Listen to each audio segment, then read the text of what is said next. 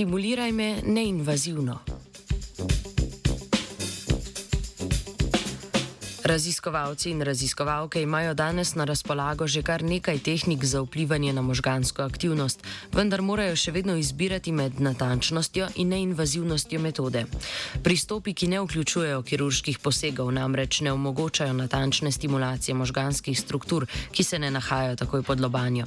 Kirurški posegi v možgane pa prinašajo številne potencijalne zaplete. V nedavni raziskavi, objavljeni v reviji Brain Stimulation, raziskovalna skupina poroča o metodi, ki pravijo sonotermogenetika. Ta omogoča natančno neinvazivno stimulacijo globokih možganskih struktur. Termin sonotermogenetika lahko razdelimo na tri dele, ki označujejo sestavne dele metode. Predpona sono se nanaša na uporabo fokusiranega ultrazvoka, ki je znan po tem, da lahko prodre globoko v možgane z visoko prostorsko ločljivostjo. Pri tem zaradi oddane energije se greje del tkiva, torej sonotermo. Zadnji del besede, genetika, pa se nanaša na gensko modifikacijo celic, ki jih želimo stimulirati. Vanjo nesemo zapis za protein, ki se aktivira v odvisnosti od povišene temperature.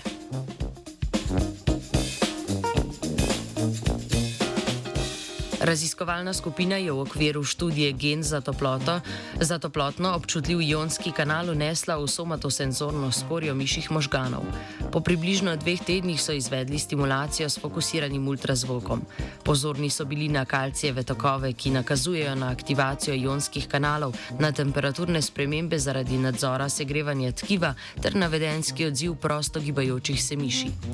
Dosegli so robustno aktivacijo kalcijevih tokov v žilčnih celicah, ki so izražale toplotno občutljiv ionski kanal. Lokalni dvig temperature na 42 stopinj Celzija ni povzročal merljivih aktivnosti v celicah, ki proteina niso izražale. Miši so se ob stimulaciji začele vrteti v krogih, kar je značilen vedenski odziv tudi ob stimulaciji izbrane regije z drugimi metodami. Thank you.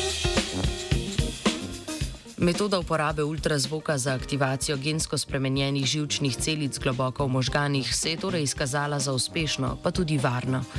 Po koncu eksperimenta so namreč preverili še morfološke spremembe gensko spremenjenih in stimuliranih žilčnih celic. V primerjavi s kontrolno skupino ni bilo nobenih razlik niti v celični sestavi, niti v številu celic.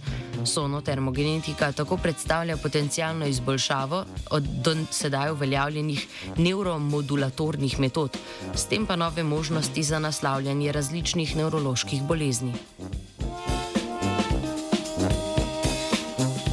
Neinvazivno vas je poskušala zbuditi Ela.